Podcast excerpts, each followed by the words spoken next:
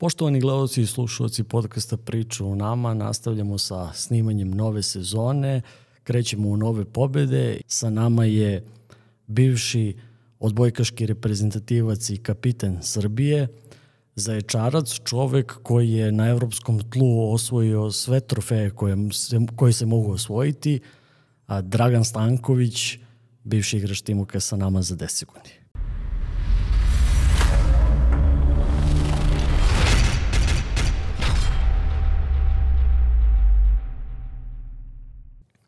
Dobar dan, pozdrav svima. Kako si, Dragane? Dobro, dobro, na par dana ovaj, u, u rodnom Zaječaru obilazim porodicu kao i svaki godin, nemam puno vremena, ali uvek se nađe par vremena za, za, ovaj, za, za roditelje i za, da kažem, mesto gde sam, gde sam odrastao i gde sam se na neki način razvio. E, to je ono čega bi otprilike i krenuo, negde od tvojih početaka, jer a, ajde da kažemo, razne anegdote kulaju gradom kako si ti počeo da igraš odbojku, pa bih hteo da, da slušalci čuju sa tebe, negde si se dotakao u nekim intervjuima o toga kako si, hteo da, kako si krenuo da igraš, ali bi ja hteo da, da čujem u tebe. Ti si pre odbojke trenirao košarku. Tako je, ja sam ovaj, pre odbojke, dobro, kao svaki klinac sa futbalom, jedno kratko vreme sam i ovaj, atletiku i ovaj, posle u košarci sam se tu, da kažem, pronašao onako onako naj, najbolje i naj, najviše. Um, onda da kažem u taj nesrećni period ili po meni srećni ovaj bombardovanje 99. gde smo se svi da kažem povukli u neke male sredine, po, bežali iz gradova. Tako sam je otišao u selo uh, mog oca, uh, selo Leskovac koje je tu na 20 km od, od Zaječara I ovaj, 7. juli se tada još obeležavao, bili su turniri 4-5 sela okolnih, e, tu je došao i, i Timok i Zaječar u to vreme, pošto su bila dva kluba u, u gradu, e, igrali smo taj neki turnir, e, ljudi su me videli iz, iz Timoka, pozvali da, da, da dođem ovaj, na treninge, tako da sam početkom nove školske godine od septembra ovaj, otišao na par treninga i tako je to krenulo. Znači, relativno kasno si krenuo sa odbojkom. Tako, imao sam nekih 15, punih 15 godina, da. A kaži mi, kod kog trenera si prvo počeo da, da treniraš? Pa, uh, ovako, kad sam ja došao, uh, kad sam ja došao, tu je bio onda u tom trenutku, uh, sada se setim, uh, Đura, Đura bio tako je, Đura. Sa njim sam bio možda godinu, godinu i po dana pa je Cale bio u jednom trenutku. Da, Cale je igrao tada. Tako je igrao i bio u jednom trenutku, u jednom kratkom periodu je bio i on trener e, i onda sam posle kod Buce ovaj, nastavio, a, možda dve, dve pune godine. I on je igrao ovaj, i... Sa njim on je igrao i bio je trener tako u tom periodu, da. Ti si vrlo uh, brzo nakon početka uh, svog treniranja, barem iz, iz priče odbojkaša u, u, u Zaječaru, vrlo brzo si ušao u a, juniorski tim Timuka, igrao si, ja mislim, i na državnom prvenstvu već u prvoj ili drugoj godini svog treniranja. U drugoj, da. A, I vrlo brzo nakon toga ulaziš i u kadetsku reprezentaciju. A tako? Tako je, ovaj, ja sam, eto, da kažem, sa nekih 15 godina, možda kasno, ovaj, za sve to ovaj, počeo da, da treniram i da igram. Na moju sreću je, je bilo to što sam bio dosta visok i u samom, kažem, moj prvoj godini sam već ovaj, bio jedan od najvišeg u ekipi i odmah su me ovaj, stavili da budem srednji bloker. Imam, da kažem, taj neki dar za, za, za bilo koji sport, tako da mi nije trebalo ovaj, puno vremena da, da uđem u neki ritam i treninga i, i ovaj, samog, i samog sporta, tako da Uh, za dve godine smo igrali već uh, kadetski turnir u, u ovaj, ili je bio juniorski, sad više se i ne sećam, u Kraljevu, gde je bila i Zvezda i Partizan i Vojvodina i, i ovaj, ekipe koje su u tom trenutku bile ovaj, prva liga. Uh, kasnije uh, smo osvojili peto mesto na, na državnom turniru u Topoli, tu sam bio proglašen za najboljeg blokera, tako da eto taj neki put iz godine u godinu se ovaj povećavala, povećava uspeh, povećavala moja želja i ti turniri, eto taj turnir u, u Kraljevu, pa onda taj turnir u Topoli su me na neki način i prezentovali uh, trenerima juniorske i kadetske reprezentacije. Išao sam na pripreme, u početku sam imao dosta pehova. Bila je neka povreda. Povreda kolena, povreda ramena, tako da nisam odlazio na ta neka prvenstva. Ovaj, na prvo koje sam otišao smo osvojili Balkanijadu u Grčkoj i onda sam, da kažem, kasnije bio redovan član tih reprezentacija i na kraju dve, od 2005. čak i, čak i seniorske.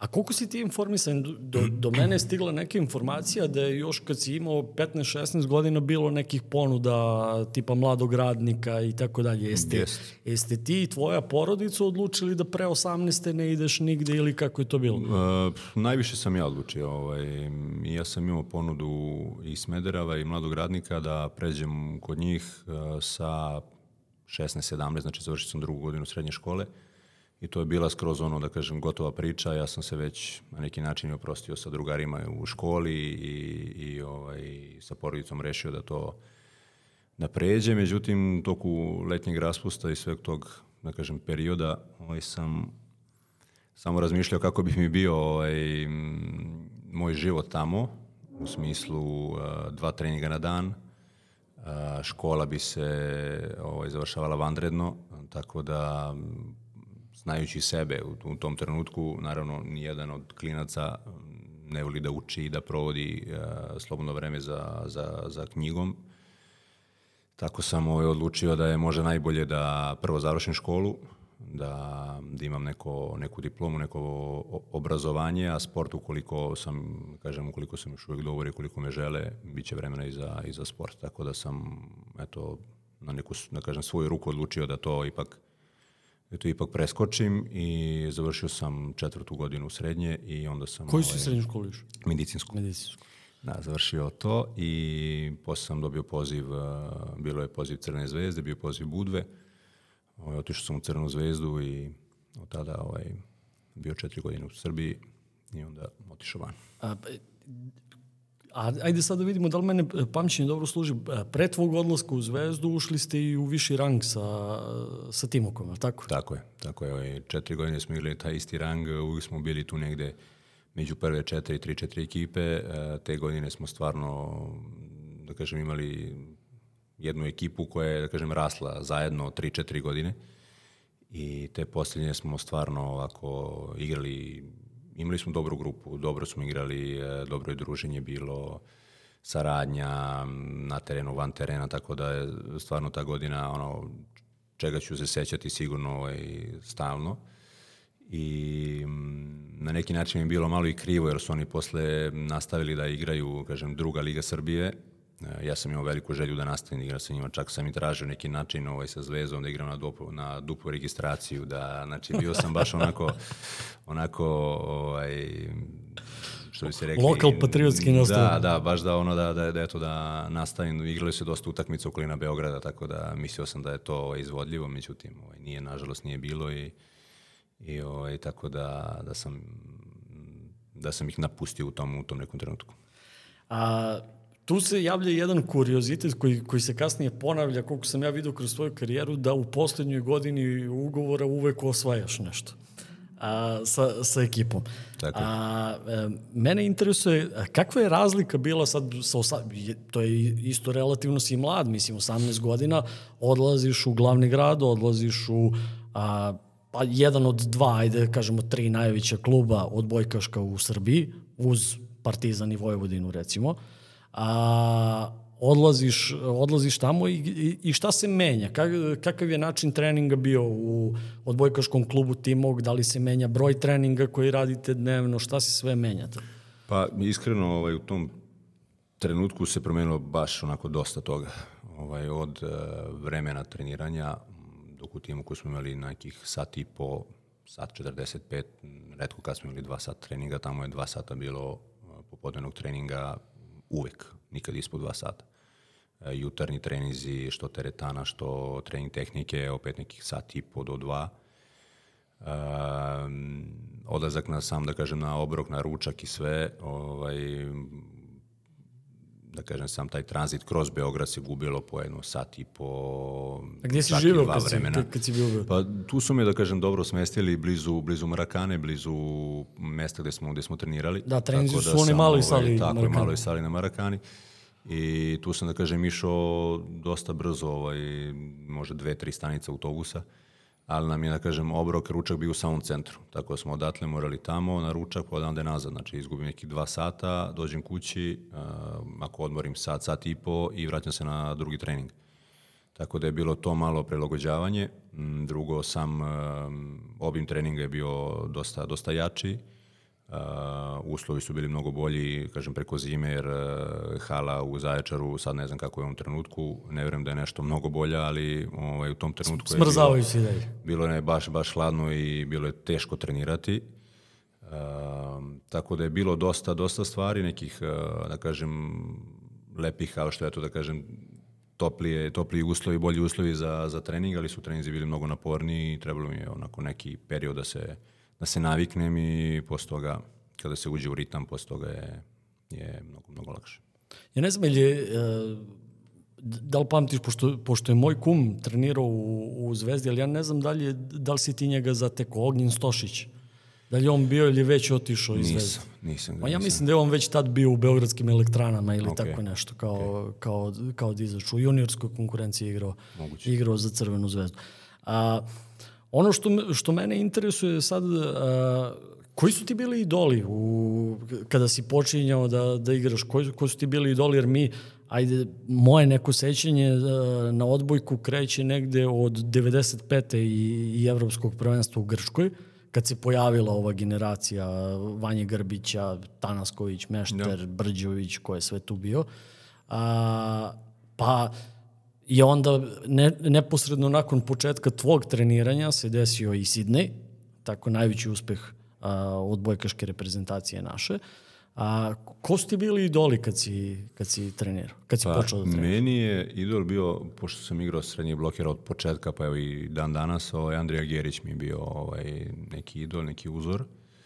I eto, baš ta, ta olimpijada 2000 je, da kažem, godina kad sam ja počeo da treniram i baš mi onako bilo, kažem, i zbog toga, ne samo ja, dosta, dosta dece ovaj, je počelo da, da, da trenira odbojku upravo, upravo zbog toga.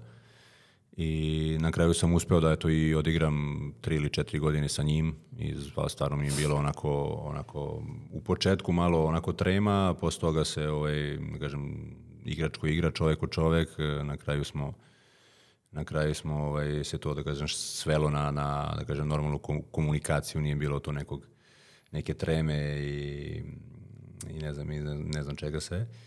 Uh, I dan danas smo, da kažem, prijatelji, on je sad u Novom Sadu, ovaj, okrenuo se uh, da kažem, radu uh, u uh, psihologiji, pošto Da, je life završio... coaching neki. Tako je, tako je, to je ovaj, završavao pri kraju, pri kraju reprezentativne karijere i pri kraju igračke karijere je završavao još neke kurseve i onda je posle sa tim nastavio. Tako da kada se ono, kada se nađemo i sve ispričamo se i dan danas i zaista mi je drago da sam imao ovaj, mogućnost da, i, i, da igram sa jednim čovekom koga sam onako gledao, posmatrao, skidao njegove ovaj, pokrete i fore i na kraju uh, igrao sa njim.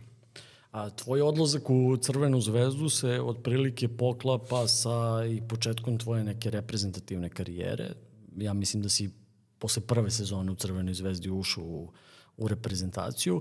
A sad, eh, hteo bih da malo dočaraš ne, nekim novim klincima, a tada ugovori profesionalni nisu bili eh, ništa posebno u, u našim klubovima, pa eh, je do mene nekoj došla informacija da, da ste maltene vi mlađi igrači jedva čekali svetsku ligu jer ste u svetskoj ligi maltene imali bolje zarade nego, Jest. nego u klubovima u kojima ste Jest, igrali. jest, tako je bilo. Ovaj, tada je na neki način svi klubovi u tadašnjoj zemlji, osim, da kažem, Budve i Podgorice, možda su nisu, bili, nisu bila mesta gde, gde je neko mogao nešto da zaradi. Više je to, bar sam ja na to gledao kao neku odskočnu dasku za kasnije i mm, mogao sam da odem u Budvu da zaradim možda više, ali bih malo manje trenirao i bio bih možda manje na nekom radaru reprezentacije i, i drugih klubova. Pa dobro, tad si govorilo tako da je Zvezda... Sam, pa da, daska Zvezda je tada je bilo, ovaj, tada je, da kažem, predsednik Zvezde bio Aleksandar Boričić, koji je bio i uh, predsednik ovaj, Saveza. I mm, sam Beograd, uh, tada je, da kažem, Zvezda, Zvezda Vojvodina, uh, bilo je dosta, dosta ekipa i Zvezda i Vojvodina su bile jake, Kraljevo je bilo, uh, je bilo dobro, uh, Podgorica, Budanska rivijera, tako da je bilo baš, baš onako dosta ekipa i dosta, dosta ovaj, Kragujevac kasnije, tako da stvarno je bio neka, neki, da kažem, kvalitet, bio neka kvalitetnija liga. I ovaj, da, ja sam posle prve godine igranja, igranja u Zvezdi a, na neki način se kako kažu, poklope kockice da 2005. A, Srbija organizuje Final Four svetske lige i da je praktično kvalifikovana za završni turnir. Igrali smo grupu gde stari igrači a, su uzeli od šest vikenda koliko se igralo tada, su uzeli jedno četiri vikenda slobodno, gde su ekip, igrači iz domaćih prvenstva preuzeli, da kažem, primat i igrali, igrali dosta, imali dosta šansi i prostora za igru. Ja sam odigrao dosta dobro u tom periodu i zaslužio da ostanem i naredna dva vikenda kada su se priključili stariji. Odigrao dobro, otišao i na, da kažem, da sam završnicu svetske lige u, u areni koja je tada, da kažem, bila onako nova, nova sala, možda posle evropskog prvenstva, prvo prvenstvo koje se igralo, prelepa atmosfera, više od 20.000 ljudi, stvarno mi je bilo onako onako igrajući ovde u Zaječaru ispred 200-300 u Beogradu ispred možda par hiljada u jednom trenutku 20.000 ljudi onako stvarno je bilo ovaj, na neki način malo zastrašujuće ali kada jednom kažem lopta i igra krene onda se da kažem na neki način to zaboravi i sa fokus je na, na parketu. Um, tako da nisam neki nisam od onih koji je to zamišljao i to gledao uh, kada je igrao ovde u Zaječaru i već imao u glavi da budem negde, da budem na nekom uh, vrhu i, i tako to, već sam i onako išao korak po korak. Trudio sam se svakog dana da dam svoj maksimum, uh, ukoliko je to dovoljno, ukoliko za nekog je to dovoljno da, da ja budem na tom nekom mestu, ja ću biti, ukoliko ne, vratit ću se u salu, trenirat ću još jače i pripremat ću se za, a ukoliko taj, taj moment dođe, tako da nisam ispred sebe stavljao neki, neki cilj preveliki, uglavnom je to bilo a, iz dana u dan, iz meseca u mesec, iz godinu u godinu i malo po malo sam eto došao na to mesto gde sam, gde sam, gde sam danas.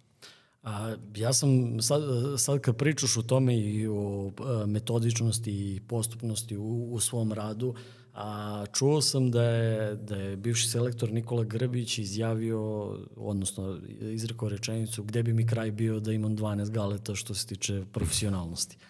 A, verovatno je to i, i tajna nekog tvoje, tvoje dugovečnosti u igranju što poštuješ neka pravila od početka do kraja, od zagrevanja do istezanja na kraju. Koliko je to važno u principu u tom trenažnom procesu i u, očuvanju tela? Volao bi da to preneseš nekim mlađim generacijama koji sad kreću, jer uglavnom ja znam i kad sam ja bio klinac, to se ulazi na teren maltene bez zagrevanja, izlazi se na teren bez istezanja, ali e, mislim da je to jako bitno ako neki igrač hoće da, da dosegne neku dugovečnost kao, kao profesionalac. Pa jeste, sigurno da je tako i tako je bilo i tako je i sada. O, ja vidim sada u Italiji da, da ovaj, klinci koji a, dođu 10-50 minuta pre treninga a, utrče u teren sa loptom ili šutiraju loptu ili, ili već krenu sa mini skokovima ili tako nešto. Uh, bar za mene, da kažem, neki način to funkcionisalo i ja sam ne želim da nekom namećem to. Ovaj, ja to kažem uvek, ukoliko neko hoće da radi i hoće, ukoliko neće, ovaj, njegova, njegova je stvar.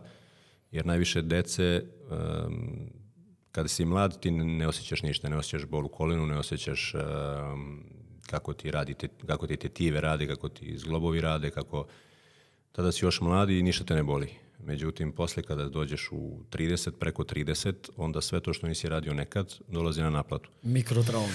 Tako da, da ovaj, ja sam uh, po prirodi sam onako ne baš elastičan i imao sam problema kada sam počinjao to, taj period četvrte godine zvezde, uh, to jest prva godina zvezde, ulazak u reprezentaciju, uh, gde m, sam imao sreću da sam uh, zatekao uh, Miljana Grbovića, kondicionog trenera reprezentacije koji je u tom trenutku da kažem, dosta, dosta vremena posvećivo i stezanju i, i pre treninga i posle treninga. I imao sam tu sreću da me on uzme i u toku druge godine zvezde, da me uzme u jedan, jednom par puta treninga u toku, u toku nedelje, da odem kod njega privatno, da odradim što istezanja, što um, neki rad, ne toliko sa tegovima, koliko na toj nekoj elastičnosti i sigurno da mi je to dosta pomoglo ovoj mojoj karijeri. Ja sam to na kraju nastavio i bez njega da radim. I dan danas dođem uh, pola sata pre treninga, uh, izađem prvi na teren, uh, sednem, krenem da se istežem pre samog istezanja sa klubom, sa ostalim igračima, tako da, da kažem, održavam tu neku, našao sam najbolji način kako da svoje telo održavam zdravim i kako na neki način sam naučio kako moje telo funkcioniše i šta mu, i šta mu ovaj, najviše, najviše odgovara. Tako da je to neka, eto, nema neke preterane tajne i neke prevelikog ovaj, e, preterane filozofije, e, jednostavno e, sam, sam čovek, sam igrač osjeća šta mu najviše prija i šta mu ne prija i gleda da, da to nešto ovaj, praktikuje iz dana u dan i da, i da, i da radi na tome. E sad, sad bi se vratio malo na reprezentaciju čiji si i dugogodišnji kapiten bio. A, interesuje me a, uvek kada pričamo i sad je aktuelna ta tema posebno sa, sa recimo košarkaškom reprezentacijom pa neodazivanje nekih igrača u košarkašku reprezentaciju odbojkaši i vaterpolisti nikad nisu imali sa, sa tim problema. Ja ne znam da je bilo nekih otkaza, da je nekih lomova bilo, iako vi možda kao odbojkaši imate uh, a, i najdužu takmičarsku godinu, jer vi a, odmah nakon završenih sezona u klubovima uskačete u svetsku ligu ili sad ligu nacija kako se, kako se zove, posle toga obično ide ili evropsko ili svetsko prvenstvo i čim se to završi opet idete u klubove malte ne bez dana slobodnog u toku leta. Šta je tajna kulta odbojkaške reprezentacije Srbije? Pa sada ovaj, mogu da pričam ovaj, iz ličnog iskustva meni je bio, da kažem, san da budem u, u reprezentaciji. Eto, da ispričam još jednu, da kažem, onako zanimljivost, da smo a, moje poslednje godine, kako sam pričao ranije, da smo u toj poslednje moje godini u Timuku, da smo osvojili prvenstvo, da smo se baš onako dobro družili, tako da smo organizovali čak i jedan izlet do Beograda, iznajmili kombi i nas desetorica otprilike smo otišli da gledamo Srbija i Italija svetsku ligu u Beogradu, gde mi je u tom trenutku tadašnji trener ovaj, Buca rekao zamisli da narednih godina tebe gledamo ovako ovaj, na terenu. I eto, sledeće godine sam već bio ovaj, u reprezentaciji i stvarno mi onako, to mi je bio neki, neki san. I kada sam došao do toga, posle nije da sam se zasitio i kažem, eto sad sam to odradio i to je to. Želeo sam sve više i više i bio sam, da kažem, i mlad, nisam ni osjećao ni, ni umor, završavao sam sezone, imao nedelju dana ili deset dana slobodnog, Uh, posle uh, igrao svetsku ligu, igrao evro, evropsko prvenstvo ili kvalifikacije za neko od prvenstava i, i posle desetak dana odlazi u klub i tako jedno, koliko sam, 13-14 godina tako za redom ovaj, iz kluba u reprezentaciju i ni jednom u jednom trenutku mi nije ovaj, bilo teško ili, ili da, da nisam imao volje. E, više mi je onako došlo pred kraj, jer sam uh, imao troje dece koje su već, uh, da kažem, već bilo onako godinama gde osjećaju kad tata ode da više onako pate, da pate i oni, da patim i ja. Više mi je ta neka mentalna uh, teškoća, poteškoća bila u tom trenutku nego, nego, nego, nego fizička. E, dotakli smo se teme isto o, o plaćanju, o zaradama i, i odbojka kao odbojka nije na nivou futbala, košarke e, i ostalih sportova, tako da e, zaraditi nešto i u toku leta kroz svetsku ligu, najviše kroz svetsku ligu, e, je za odbojku i za, za odbojkaša onako da kažem dobra cifra i dobar, i dobar, dobar moment. tako da je dosta igrača to i zbog toga dolazilo, ali a, nikad se sa evropskog nije odustajalo, nikad se sa svetskog nije odustajalo ukoliko to nije neka povreda. Tako da odbojka je redkost. Da, čak se dešavalo suprotno, da ne igraju svetsku ligu, ali da su Da, tu... ali da su tu za, za, ovaj, za, za da kažem, jača i, i važnija prvenstva. Tako da je, eto, da kažem, odbojka uz vaterpolo uh, sport gde su se stalno za ta najjača i najvažnija prvenstva ovaj, igrači odazivali, to je jednostavno eto, neka, neka, neka kultura odbojkaša i, i to je ono što traje i što nadam se da će, da će, da će trajati. A, 2000, 2008. kao po pravilu, malo pre kojem smo rekli u Timuku, osvajaš titulu sa Zvezdom i te godine prelaziš u Budvansku rivijeru. Šta je, koje su ti misli bile prilikom prelaska u Budvansku rivijeru? Da li ti je to bila sledeća stepenica i sledeća kockica u mozaiku nekom tvoje karijere? Jeste, jeste. Ovaj, ja sam po završetku te godine u Zvezdi imao Ovaj, imao sam čak i posle treće godine u Zvezdi sam imao ponudu italijanskih klubova gde sam ja čak i sa menadžerom i pričao sa, sa Boričićem i pokušavao da, eto, da vidim da li postoji mogućnost da ja odem da igram. Ovaj, međutim, on je toj godine rekao ne, meni trebaš ove godine jer hoćemo da mislim da imamo ekipu da osvojimo titulu, a i meni je bio cilj to da kažem da igrao sam u Srbiji, igrao sam u Zvezdi i hteo sam sa Zvezdom da osvojim nešto ovaj, na moju sreću i na sreću svih u Zvezdi to se i desilo. Um, odigli smo stvarno završnicu onako za, za pamćenje. Gubili smo u polufinalu 2-0 od Vojvodine, uh, izgubiši dve utakmice kod kuće. Onda smo napravili dva brejka u, u Novom Sadu i završili petu kod kuće.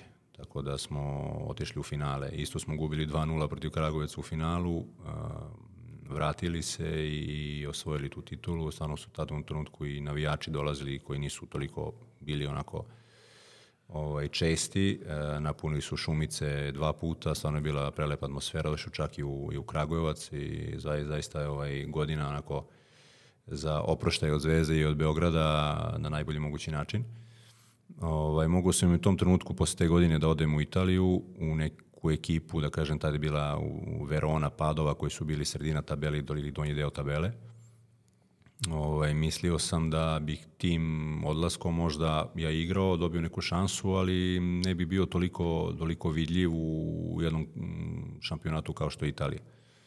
Ovaj, mislio sam da je opet bolje da odem u ekipu koja igra, u tom trenutku je Budanska igra CEV kup, da kroz prvenstvo njihovo i CEV kup da onako da kažem pravim svoje ime i da, i da se polako probijam. Um, otišao sam, odigrali smo dobru sezonu, osvojili smo titulu koju nisu osvojili dugi niz godina, jer je stalno Podgorica bila ta koja je odnosila sve, sve, sve trofeje u Crnoj Gori. Um, izborili smo samo godinu dana ugovora, izborili smo ulazak u Ligu šampiona i želeo sam da ostanem da kroz Ligu šampiona opet, da kažem, jedan stepenik više i to je bio ispostavljeno se kao dobar potez jer uh, smo bili u grupi sa, sa Lubeom uh, gde sam ja odigrao dobrih, par dobrih utakmica, čak sam i na kraju tog grupnog dela Ligi šampiona bio po procentima najbolji napadač ovaj, Ligi šampiona i na neki način sam se nametnuo uh, Lubeu da pošalje ponudu uh, Budvi, ja sam imao još godinu dana u Budvanskoj, da me otkupe i da pređem kod njih. Tako da, eto, na neki način, kao što sam pre, prethodno rekao, kocke su se sklopile i napravio sam dobar izbor i malo po malo sam stigao tamo gde sam, gde sam i želeo. U Lube? Pa ne baš u Lube, ali u Italiji, u nekoj od ekipa koje se onako bore za, za trofeje. Lube je tu bio najpopularniji u tom periodu, jer je i Andrija Gerić i Ivan Miljković su igrali u Lubeu, osvajali trofeje tamo. Tako da je onako u Srbije, u Srbiji se pratio onako Lube kao neki svoj klub sigurno da mi bi bilo drago da odem tamo ili da sam otišao i u tom trenutku ili u Kuneu ili u Modenu ili u e, ekipe koje su u Trentu, koje su tad bile u, u samom vrhu, e, bilo bi mi onako sve jedno. A devet sezona si proveo u, u Lube u tom, u tom mandatu. A, tu sad imamo jedan, e, jednu drugu interesantnu stvar – A, osvojio si za, za vreme svog mandata si osvojio četiri titule sa, sa Lubem prvaka Italije. ali prve tri titule koje si osvajao su se poklapale sa, sa još nečim Da. radosnim u tvom životu. A to je rođenje tvoje dece. Tako je. A, čak te je jednom novinar, koliko se ja sećam, pitao da, li- da, da li u, u pripremi četvrtog. Tako je, da, da. Pa bilo je, bilo je i sada isto se nekad ovako našale na, ovaj, na moj račun. Uh, jeste, stvarno se poklapalo uh, da u, kažem, u, u godini, kalendarskoj godini uh, dobijem uh, prvo dete i u, u toj, da kažem, sezoni osvojimo titulu.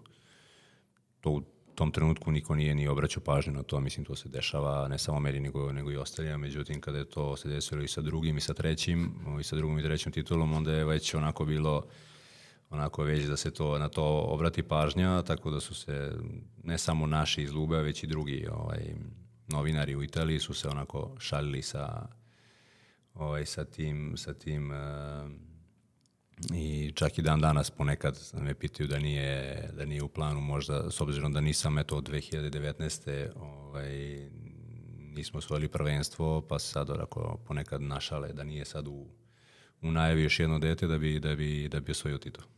A, pričali smo o nekoj razlici između Timoka i, i Crvene zvezde, prelasku. Kakav je bio prelazak sa ovih prostora, iz regiona, iz Budvanske rivijere, u a, klub kao što je Lube, u ligu koja i dalje važi za jednu od najjačih liga u svetu, a, kakva je organizacija tamo klubova, a, kol- koliko je gledana odbojka, kakav je tvoj odnos sa, sa meštanima tamo, da li ste zvezde u, u tim mestima? Pa, s obzirom da, da kažem, taj prvi prelazak iz, iz Timuka u Zvezdu je bio onako neki, da kažem, bum u mom životu. Um, sam posle to neko treniranje u Zvezdi, treniranje u reprezentaciji, uh, dosta putovanja, dosta jakih utakmica, treninga i ostalo, na neki način mi je pripremilo za, za, odrazlak, za, odrazla, za odlazak u, u uh, jednu od najčih liga. Uh, tako da sami početak u Lubeu nije bio toliko toliko veliki ja za mene, jer um, sam neki način naviko. Um, dosta utakmica u reprezentaciji protiv igrača sa kojima sam u tom trenutku ovaj, delio teren, uh, za mene je bilo ono privilegija i možda na neki način to sam sam, samo to okruženje mi je davalo onako malo, malo, ovaj, malo treme. Međutim, kada krene jednom trening, kada krene utakmica, na to se zaboravlja, jednostavno se igra sport. Nije bitno da li je pored tebe igrač mlađi ili jedan šampion, tako da, da se to posle, posle zaboravlja. Bilo je, bilo je ovaj, možda malo u stvari šta je bilo pitanje, pitanje za, za navijače, za, za Kakav je odnos, okruženje i ostalo. Da, mi uslovi u klubovima? Kada sam ja došao u Lube, oni su još uvek bili u, u gradiću u Maćerati, koji je gradić, e, pa možda kao Zaječar u, u nekom e, po pogledu stanovnika i jedini sport e, je bio tad u gradu, pored, kažem, futbala koji je bio u nekoj onako nižem, nižem rangu, odbojka je bila glavni sport i tamo smo stvarno onako bili ono, zvezde i svi su nas poznavali, svi su nas ovaj, zaustavljali ili slikanja ili da popričaju ovako. E, kasnije se klub preselio u veći grad, u Čivitanovu, koji je e, onako na moru je, pa je malo i, da kažem turističko mesto, dolazi dosta ljudi, cirkuliše dosta ljudi, posle možda godine, godinu i po dana je odbojka za, zaživela, jer pre toga nije bilo nekog sporta osim futbala koji isto bio u nekoj nižoj kategoriji. Um, odbojka je preuzela primat i, i tu smo onako i dan danas, kažem, živim tamo i tamo sam sa porodicom i mm, svi nas znaju u gradu i ovaj, stvarno se osjećamo prijatno. U Modini je stvarno druga priča, ali tu uh, onako klub kao klub je zaista uh, na nekom možda i drugom nivou u odnosu na, na, na Lube u tom pogledu marketinškom, jer je istorijski klub, e, najviše titula, um, imaju stvarno dobar marketing, e, u regiji su onako dosta, dosta jako i koja Sever Italije. koje ih da, koje ih onako da kažem promoviše i tu smo onako baš, baš onako da kažem i poznati i moramo onako baš da se pridržavamo i, i toga šta radimo, gde smo izašli, gde je onako, dok toga u Čevitanovi nije bilo toliko. A sa Lubeom si došao i do titule prvaka Evrope.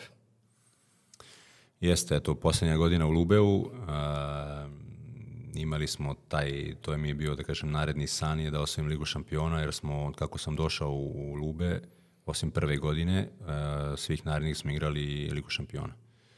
I prvih možda pet godina a, nismo uspeli da se plasiramo na Final Four, da bi onda otišli jedan put, zauzeli treće mesto, otišli još jedan put, za opet zauzeli treće mesto, godinu pre moje poslednje, znači predposlednja smo igrali u, u Kazanju protiv Kazanja, koji je odsvojio tri prvenstva, tri lige šampiona za redom, imali su stvarno ovaj, super ekipu. Mi smo vodili 2-1 kod njih i peti set smo čak vodili 11-7, bili baš onako blizu da osvojimo. Izgubili i stvarno mi je bilo onako posle te utakmice sam mislio da, neću, da, je, da niko neće osvojiti ligu šampiona. I onako je baš bio težak poraz, međutim, eto, sledeće godine se ovaj, napravila, namestila ovaj, šansa i moment da opet protiv kazanja ovaj, odigramo utakmicu i izgubimo prvi set, onako baš, baš lagano, 25-14 je bilo za njih, ja mislim. Međutim, uspeli smo posle da se ovaj, probudimo i osvojimo tu jako željenu titulu, što pojedinačno, što za klub, jer je kroz klub e, kao, da kažem, odbojkaški klub, e, marketing sam nije kao marketing košarke, odbojke, rukometa, futbala, znači stvarno je dosta treba uspeha i, i situacija da se da se namesti da bi se marketing nekog kluba probio. Lube kao glavnog sponzora imaju fabriku kuhinja koja je broj jedan u svetu, ali je uvek potreban marketing. Tako da je za, naš, za nas kao klub uvek bilo bitno da se, bitnije da se ode na Final Four Lige šampiona nego da se ode na Final Four Kupa Italije ili, ili da se dođe u finale prvenstva. Uh, tako da je to stvarno bila godina za onako za nezaborav, osvojili prvenstvo tri dana pre te Lige šampiona. Zaista jedan moment uh, koji, je, koji će meni sigurno ostati u sećanju za, za, za sva vremena. A pričali smo, dotakli smo se te teme i, i kada, kada si bio u Crvenoj zvezdi i, i Svetske lige, a, za futbal i za košarku negde i znamo ko je, ko je otprilike red veličine primanja, ajde da kažemo top i, igrača. I za tenis znamo koliki su nagrade na turnirima. Koliko je koliko ne moraš da kažeš cifru, ali koliko je to recimo puta manje, koliko odbojkaši svetski, znači top uh, igrači primaju manje recimo od košarkaša? Pa reću samo da eto možda u Italiji, ja uglavnom da kažem te neke cifre um, više manje znam one koje se, koje se vrte u Italiji. Uh, može tu Rusija u jednom trenutku možda davala više. Odskočila. Uh, da, može Tursko u nekom periodu, ali to nije bilo neki, neki ono, da kažem, nešto konstantno. U Italiji igrač Leon koji je poreklom kubanac, sad igra za reprezentaciju Poljske, on ima najviše milion i dvesta, ja mislim. Po sezoni? Po sezoni, a da su svi ostali mnogo niže od njega. Znači upolo niže od njega ili nekih 30-40% manje od njega. Da kažem, ti top igrači. Uh, mlađi uh, koji tek kreću da igraju ili koji su možda prva, druga godina startne postave i ostalo, m, ako, ne znam, ja zavisi od pozicije, ali oko stotina hiljada ovaj, dođu, tako da nisu to neke cifre koje koje sad da kažem slušamo i, i u košarci da i u Srbiji rastu rastu te ovaj da kažem te cifre. Uh, i da ne pričamo o NBA-u i ostalo. Um, tako da odbojka još uvek od, odoleva tom, tom trendu povećanja plata i, i ovaj, da, da se tako našalimo ovaj, svuda futbal, eto isto što slušamo Nema inflaciju u odbojci. Da, tako da eto još uvek smo na nekom tom tom, da kažem, gde smo bili pre deseta godina, ali kao sada bi trebalo, mislim, to je sada sada, uvek se priča da, da će biti kroz, uh, još uvek odbika nije profesionalni sport, još uvek se vodi kao amaterski nije zvanično ovaj, profesionalni i onda kada to, da kažem, jednog dana zaživi, kada to bude ovaj, um, gledano na, na, na odbojku kao profesionalni sport, onda možda kroz sponzore, kroz um, prava prenosa i, i ovaj, možda, možda, možda i, i, i povećaju. Da, u odbojci su uvek pokušavali nekako da, da, da privuku publiku promenom pravila, uvođenjem igranja do 25, pa onda da li u Ligi šampiona zeleno žuta lopta, znači stalno su neke dodvoravali se publici da, da, da krene da se, da se prati i da se gleda. Što ne kažem da, da nije imalo određenog uspeha, jer pored italijanske pojavile su se još neke lige koje su onako počele fino da, da plaćaju i da ulažu u, u odbojku, kao što je Poljska liga, Turska liga, Ruska liga, ti si je pomenuo već. A, vratio bi se ja sad malo na, na, na reprezentaciju i a, 2011. A, si osvojio evropsko prvenstvo sa, sa reprezentacijom. A, interesuje me kako vam je bio, pošto se evropsko prvenstvo igralo u Beču, a, koliko vam je bilo kao da igrate kući u, na tom prvenstvu? Bilo je, bilo je zaista ovaj, neverovatno, jer uh, bilo je, uh, mi smo igrali grupnu fazu u Beču, uh, prošli grupu i sada je bilo da smo završili kao drugi, morali bi da se selimo, da odlazimo iz Beča u neki drugi grad. Uh, a, da kažem, mi smo osvojili grupu, ostali u Beču, uh, došli su nam, da kažem, protivnici i sala je iz dana u dan, iz utakmicu u utakmicu bila sve punija i punija. E, do tog trenutka da smo polufinale imali meč sa, sa Rusijom, gde je sala možda, ako je primjela možda deseta hiljada ljudi, bilo jedno osam hiljada naših um, finale protiv Italije, da je ako je sala prima 12, da je bilo međam 15.000 ljudi, da je bilo prepuno. Uglavnom naše zastave, naši ljudi, naša pesma, čak i, i, i Dragana Mirković. Sećam se to. Ovaj, da, pevala. Bila, pevala između setova i, i ovaj, bila tamo na terenu. Uh, Tako da smo se osjećali bukvalno kao u Beogradu na utakmici Svetske lige ili, ili na Evropskom prvenstvu 2005. u Beogradu kad smo igrali isto, isto grupni, gru, grupnu fazu. Ovaj, zaista je bilo, bilo prelepo, još smo i osvojili to prvenstvo gde se onako iskreno nismo, nismo nadali jer je to bila uh, smena generacija, uh, ostao je samo Ivan, Ivan Miljković uh, od te, da kažem, one zlatne generacije i nismo imali taj neki cilj da, mislim, imali smo, svi smo imali neki, potajno smo preželjkivali da se, da se, da odemo što, što, što dalje. Međutim, kada se dođe do samog kraja protiv jedne Rusije koja je u tom trenutku e, i dan danas mislim da je jedna od najjačih reprezentacija, e, pa jedna Italija koja je zadržala dost, dosta veliki broj, da kažem, veliki broj tih igrača koji su igrali ranije, onako nije baš da smo mogli da se da sa sigurnošću kažemo uh, idemo da, da osvojimo. Uh, osvojili smo sama ta proslava nakon toga u gradu, u kafiću koji je uh, menadžer, odnosno šef uh, Srbin koji je uh, policajice zamolio da ostanemo do 2-3 u noć, tamo do 11, pola 12 sve su ovaj, ovaj, lokali zatvoreni bili. Zaista smo to lepo i proslavili i sutradan ispred Skupštine i vožnja autobusom kroz, kroz Beograd hotela M do samog centra. Eh, zaista jedan period eh, koji takođe ostaje u, onako, onako za, za sva vremena. A, 2000, 2016. je godina u kojoj ste osvojili Svetsku ligu. A, to je jedina svetska liga koju, koju naša reprezentacija ima i jedino svetsko takmičenje koje ti imaš u džepu, evropska imaš sva. A, nakon toga, 2017. ja mislim da se ti polačiš kada mi osvojamo bronzu na, bronzu na, evropskom. bronzu na, evro, na evropskom prvenstvu.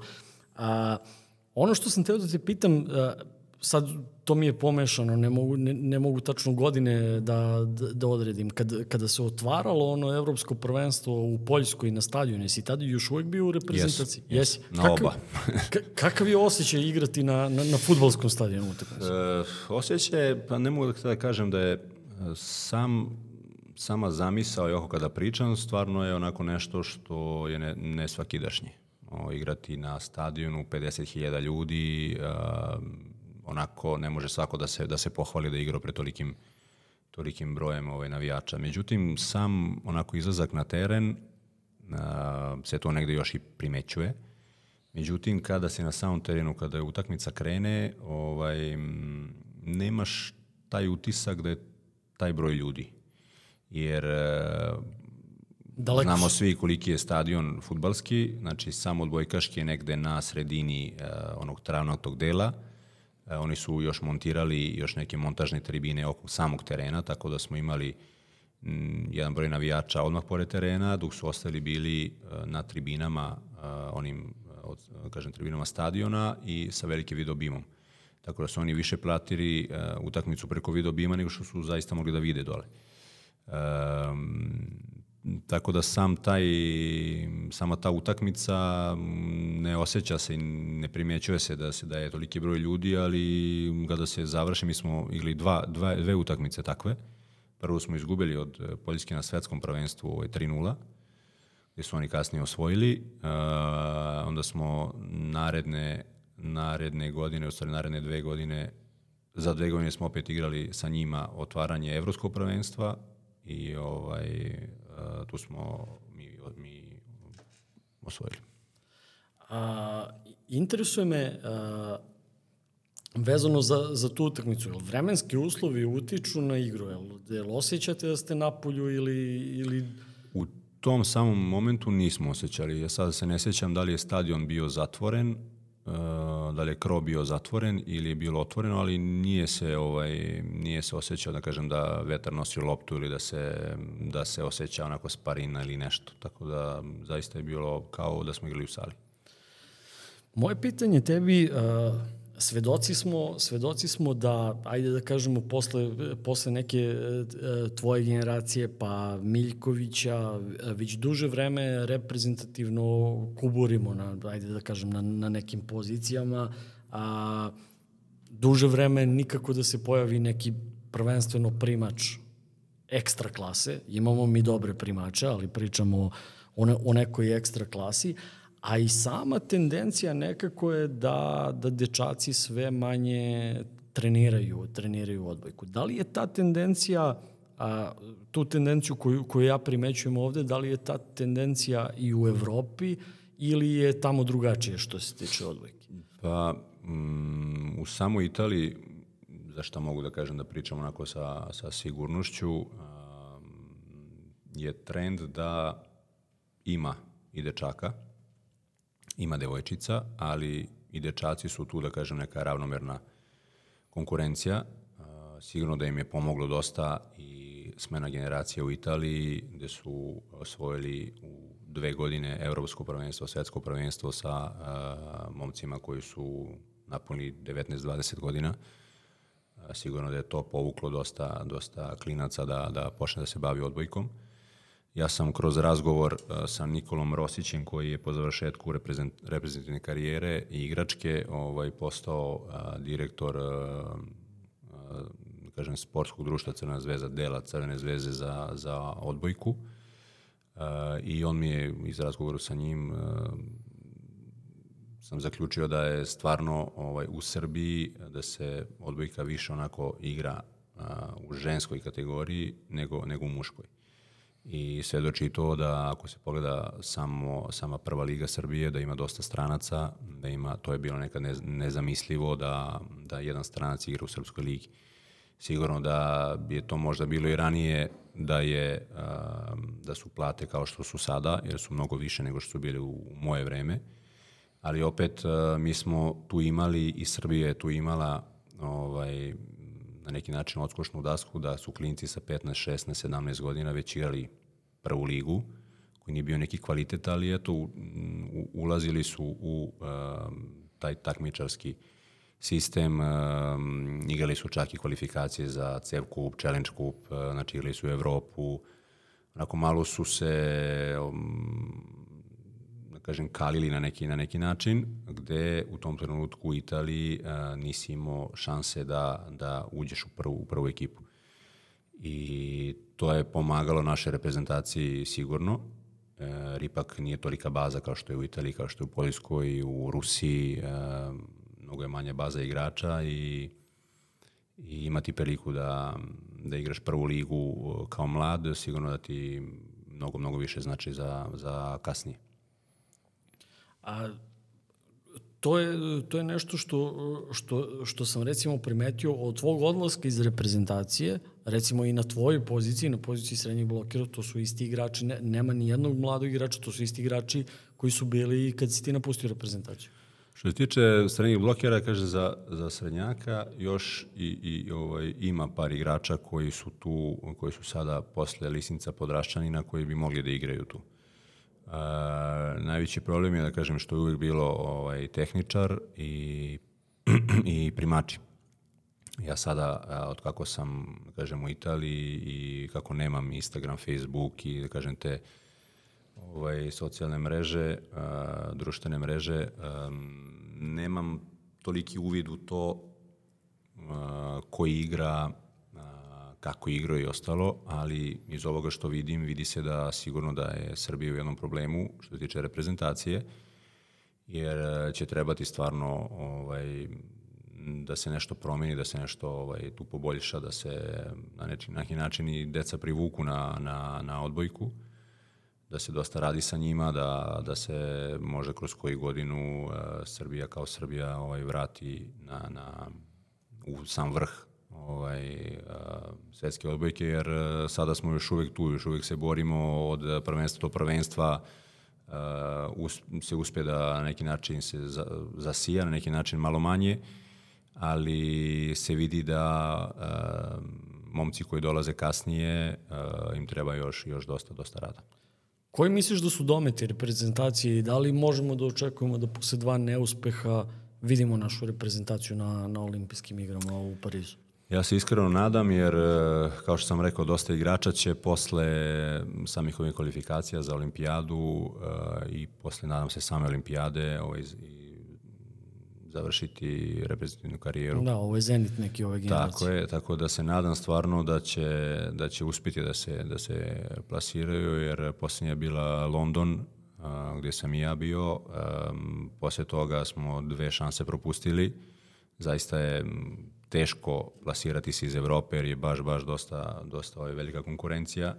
Čak je i lakše osvojiti medalju na olimpijadi nego, nego plasirati se na samu olimpijadu. Um, sistem je onako težak i ova sada, kažem, ovaj sistem koji je ove godine napravljen je možda čak i najbolji po našu selekciju. Jer uh, osim te šanse na inter, interkontinentalnom uh, prvenstvu se gleda posle i ranking koji u slučaju neprolaska kroz turnir e, možda kroz ranking uspeju da se da se dokopaju. Um, olimpijade, nadam se da će se plasirati jer stvarno je ovaj znam koliko važi za jednog za jednog igrača, koliko znači da se da se ta neka karijera uh, završi ili da se da kažem, kruniše makar učešćem na, na, na olimpijadi. Uh, jednom kad se tamo nađe, onda se, da kažem, reprezentacije fokusiraju samo na to, zaboravi se na svetsku ligu, zaboravi se na evropsko prvenstvo, na bilo koja prvenstva, e, da kažem, posle prvenstva se da mesec dana odmora ili šta god i samo se sprema za, za olimpijadu, tako da da sam siguran da ukoliko bi se plasirali da bi imali dosta, dosta dobre šanse. Kakav je osjećaj kad već pričamo o tome biti olimpijac i biti sa svim najboljim sportistima sveta na jednom mestu? Pa bilo je stvarno, mislim, sam odlazak, sama ta kvalifikacija je nama onako već na neki način onako pao kamen sa srca. Jer je stvarno ovaj, bilo, bilo teško plasirati se, mi smo uspeli u tome i, i ovaj, sama pomisao na to da se da se ovaj da ćeš otići otići na olimpijadu je onako velik. Samo sam taj odlazak, uh, ulazak u olimpijsko selo, um, ulazak u samu zgradu, a, posle, da kažem, odlazak na obroke, na, na treninge, viđaš druge sportiste, čak i u trenutku su, da kažem, ušli košarkaši, da kažem, Sjedinjih američkih država, svi u tom trenutku su još igrali, da kažem, najbitniji igrači iz, iz, iz NBA lige. I to je onako bilo onako neki, neki, neki vrh, a, međutim bili su tu i da kažem i drugi, i drugi sportovi, i drugi a, sportisti koji su bili onako za nas koji sedimo ispred TV-a, gledamo što, a, što košarku, što tenis, što vaterpolo ili rukomet, stvarno je bilo, bilo uživanje da na neki način si se osetio onako važan i važan i ti da si tu, da si da si sa njima i nešto što ti onako ostaje u, u pamću nešto što, što možeš da pričaš, evo kao što ja pričam u ovoj prilici, da pričam tako i svoje deci ili nekome i nekome ovako. A posle uh, Lubea, pošto smo tu stigli od prilike sa tvojom klubskom karijerom, uh, odlaziš prvo u Pjećencu, tako? A, zbog čega promena sredine? Devet godina si bio u Lubeu, kako si odlučio da, da promeniš sredinu? Je li došlo do nekog zasićenja? A, hteo si neku promenu, promenu mesta prebivališta ili nešto Pa drugo? iskreno ovaj, nije bila neka moja odluka, više je bila ovako odluka kluba koji je procenio da bi bilo dobro da se podmladi ekipa i želeli su da na moje mesto dovedu, a, dovedu igrača koji je, da kažem, dosta mlađi od mene, koji je takođe bio stranac, a, kao ja u tom trenutku. I m, oni su to videli kao neko, da kažem, dobro, dobro rešenje. Uh, meni je jedino ostalo, ostalo žao za, za tim što sam, da kažem, tu sam odigrao uh, 10 sezona, um, imao sam, falilo mi još jedna godina da ovaj, zatražim uh, državljanstvo, da bih posle mogao da ostanem kao domaći igrač. Međutim, ovaj, oni su tako odlučili, ja sam to prihvatio i mm, otišao sam, da kažem, put u tom trenutku Pjačenci, ali jedino, jedino da kažem, Pjačenca ostala slobodna.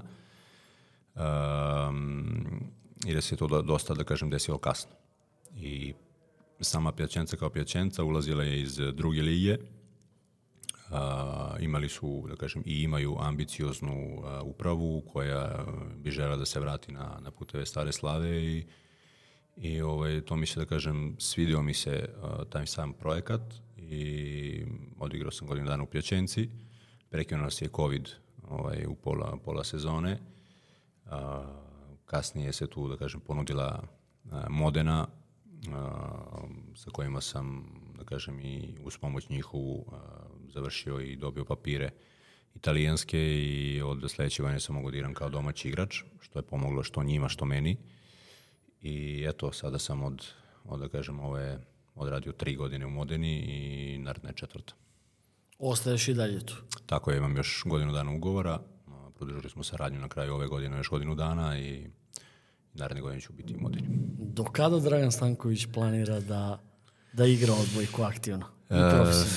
E, kako ja kažem, uvijek kad imam volje, to je ono, kažem, prva stvar, e, kada neko ima volju i želju, onda nije ni teško.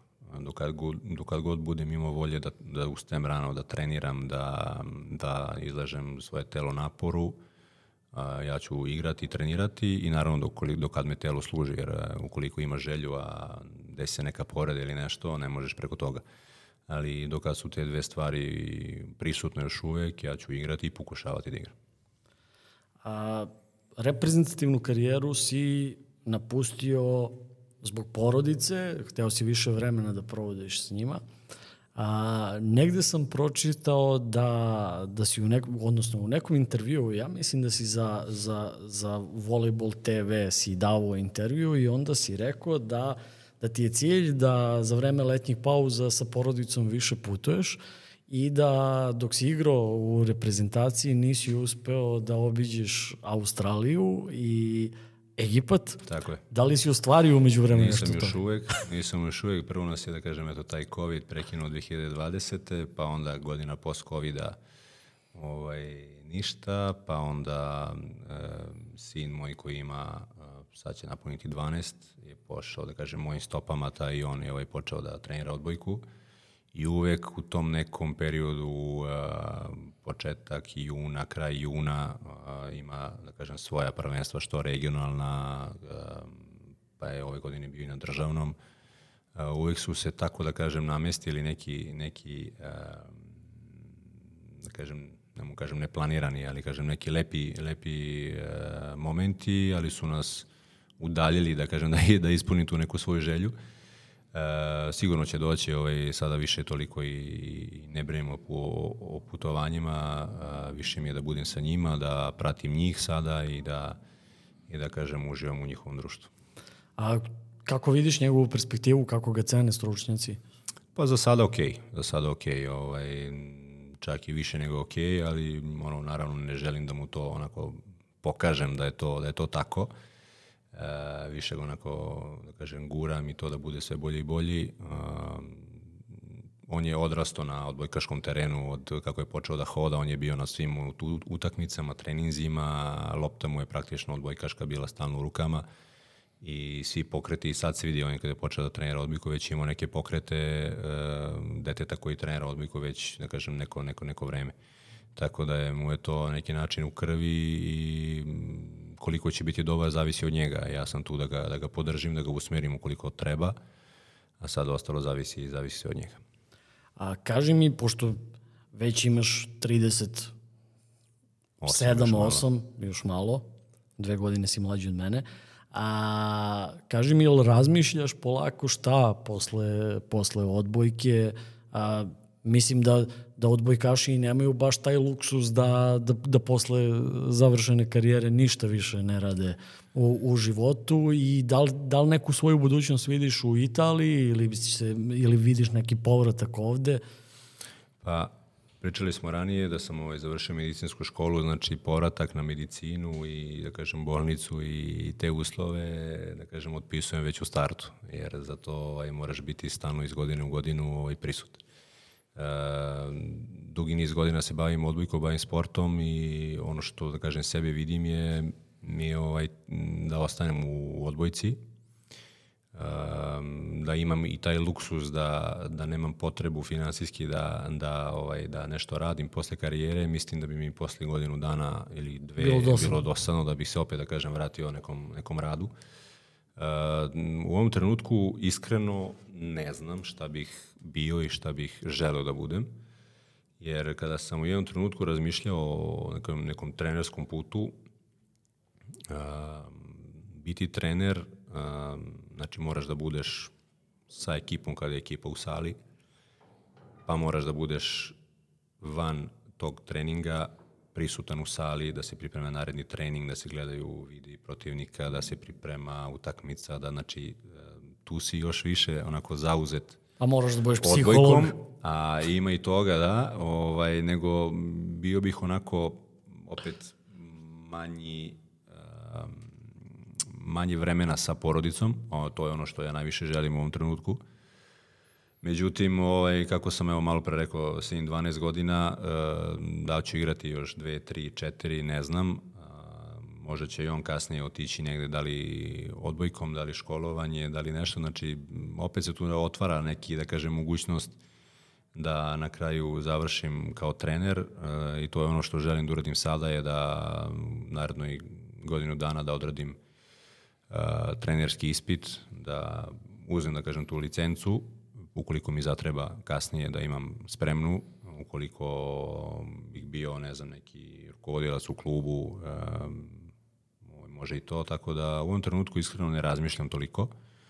Koncentrisan sam još uvek na, na ono što mogu da uradim kao igrač, a kada, da kažem, budem onako znao mentalno da ću, da mi je ovo posljednja godina, onda ću se onako malo više aktivirati i ovaj, gledati šta, šta i kako posle. Dragane, e, veliku čast si mi ukazao time što si od ovog malo vremena koje imaš kada, kada dođeš u Srbiju izdvojio vreme da, da, da gostuješ kod mene i neizmerno sam ti zahvalan zbog toga. A, to je prva stvar. Druga stvar, a, želim ti u nastavku karijere da te zdravlje pre svega služi i da, i da ti karijera bude što dugovečnija i da igraš dokad budeš želeo, a ne da moraš da, da prekidaš karijeru. Takođe želim ti zdravlju i uspeh i, i porodici I još jednom hvala. Hvala tebi na pozivu, drago mi je što sam, da kažem, eto, posle dugi niz godina ovaj, gostovao na jednoj sportskoj emisiji ovde u, u Zaječaru. Hvala još jednom na pozivu i možda se vidimo još koji put u narednom periodu. Ja se nadam iskreno, a vi dragi slušalci i gledalci vidimo se već u narednoj epizodi.